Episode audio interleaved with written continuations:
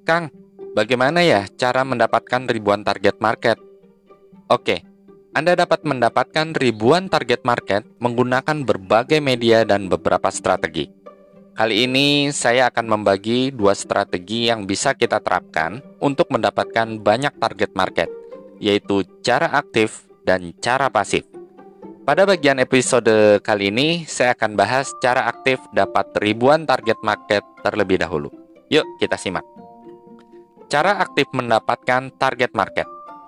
Sekarang nih sudah nggak zaman kalau kita jualan nunggu pembeli datang.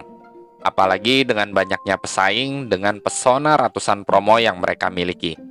Jika hanya menunggu prospek datang sendiri ke jualan Anda, sudah dipastikan akan kalah saing dengan yang lain. Maka, apa yang harus Anda lakukan? Yaitu dengan menjemput bola. Undang mereka datang dan masuk ke dalam media yang telah Anda persiapkan.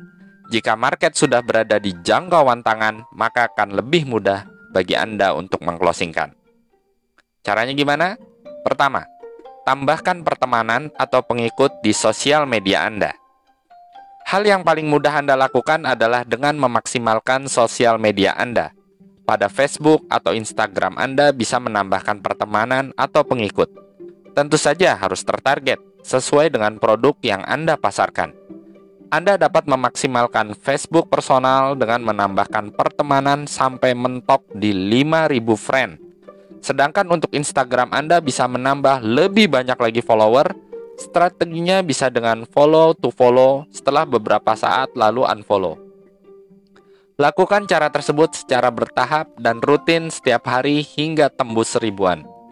Jangan melakukan penambahan pertemanan atau follow akun dengan waktu yang rapat atau terlalu cepat.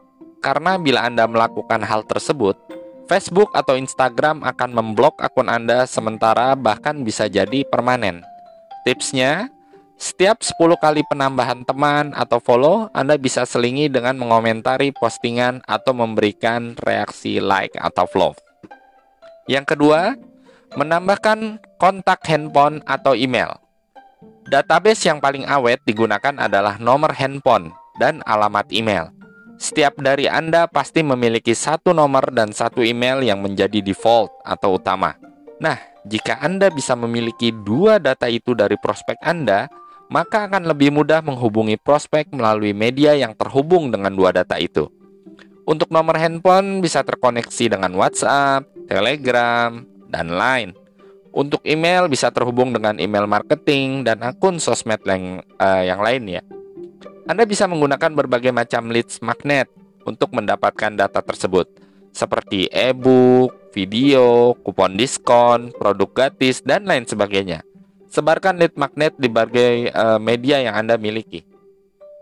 Setiap orang yang berminat bisa menukar uh, kontak mereka dengan lead magnet Anda. Saran saya, simpan database ini dengan baik karena merupakan aset terpenting Anda dalam bisnis. Anda bisa saja bangkrut dan tidak bisa produksi lagi, tapi selama database Anda ribuan dan aktif, maka Anda bisa tetap melakukan penjualan.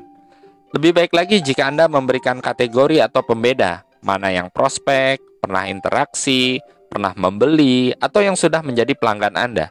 Hal ini agar mempermudah Anda dalam memberikan promo yang sesuai dengan kategori marketnya.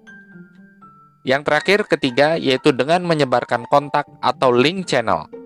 Agar semakin banyak orang yang masuk ke dalam jaring prospek Anda, maka sering-seringlah mencantumkan kontak atau link channel di setiap postingan Anda.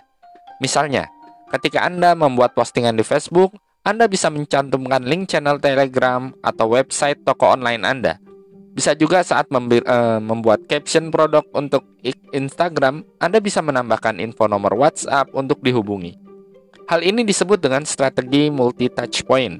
Intinya adalah dengan menjangkau semua prospek Anda di berbagai media yang mereka miliki. Dengan begitu, potensi promosi Anda terlihat prospek akan semakin besar. Ibaratnya seperti iklan-iklan brand besar yang sering kita lihat di berbagai media seperti televisi, spanduk, billboard, dan masih banyak lagi. Itulah beberapa tips cara aktif untuk menambah target market. Kita nantikan episode berikutnya bagaimana cara pasif menambah target market. Terima kasih.